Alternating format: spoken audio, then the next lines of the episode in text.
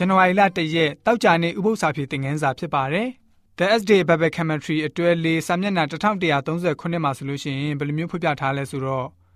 လူသားတွေဟာဖျားရှင်နဲ့ဝေးကွာသွားရတဲ့အခါမှာမိမိတို့ရဲ့ဉာဏ်ပညာနဲ့အသိတရားတွေဟာနှိမ့်ကျသွားပါတယ်။ရှေ့ကိုဝေးစွာလှမ်းပြီးတော့မျှော်ကြည့်နိုင်တဲ့အစွမ်းမရှိတော့ပါဘူး။အပြစ်တွင်းမှာပဲချုံနှောင်ခြင်းခံရတာကိုမေ့လျော့နေကြပါတယ်။အမှောင်တွင်းမှာမနာမနေလှုပ်ရှားရုန်းကန်ကြပါတယ်။ မိမိတို့ရဲ့ခွန်အားဉာဏ်အားနဲ့လွတ်မြောက်ရလန်းကိုစူးစမ်းပြီးတော့ရှာကြပါတယ်။မသေးချာမရေရာဖြစ်ပြီးတော့မိုက်မဲတဲ့လမ်းတွေကိုကိုးစားယုံကြည်နေကြပါတယ်။ဖះနဲ့ဆန့်ကျင်ပြီးတော့မိမိကိုယ်ကိုပဲအားကိုးနေကြပါတယ်။ဒီလိုနဲ့မိမိတို့ကိုလွှမ်းမိုးနေတဲ့မကောင်းမှုတွေကြားမှာနှစ်သက်နှစ်ပါတော့တယ်။စာတန်ရဲ့အမိန့်ကိုသာနာခံကြပါတော့တယ်။ဖះရှင်အလိုတော်ရှိတဲ့ဇရိတမျိုးကိုစန့်ကျင်လာပါတော့တယ်။ဖះသခင်ဟာ ကရုဏာနဲ့ခွင့်လွှတ်ခြင်းမရှိဘူးဆိုပြီးတော့ပုံဖော်လာကြပါတယ်ဆိုပြီးတော့ The SD Bible Commentary ရဲ့ဖော်ပြချက်အပြင်တောက်ကြနေဥပု္ပ္ပစာဖြေသင်ခန်းစာကဖော်ပြပေးထားပါတယ်။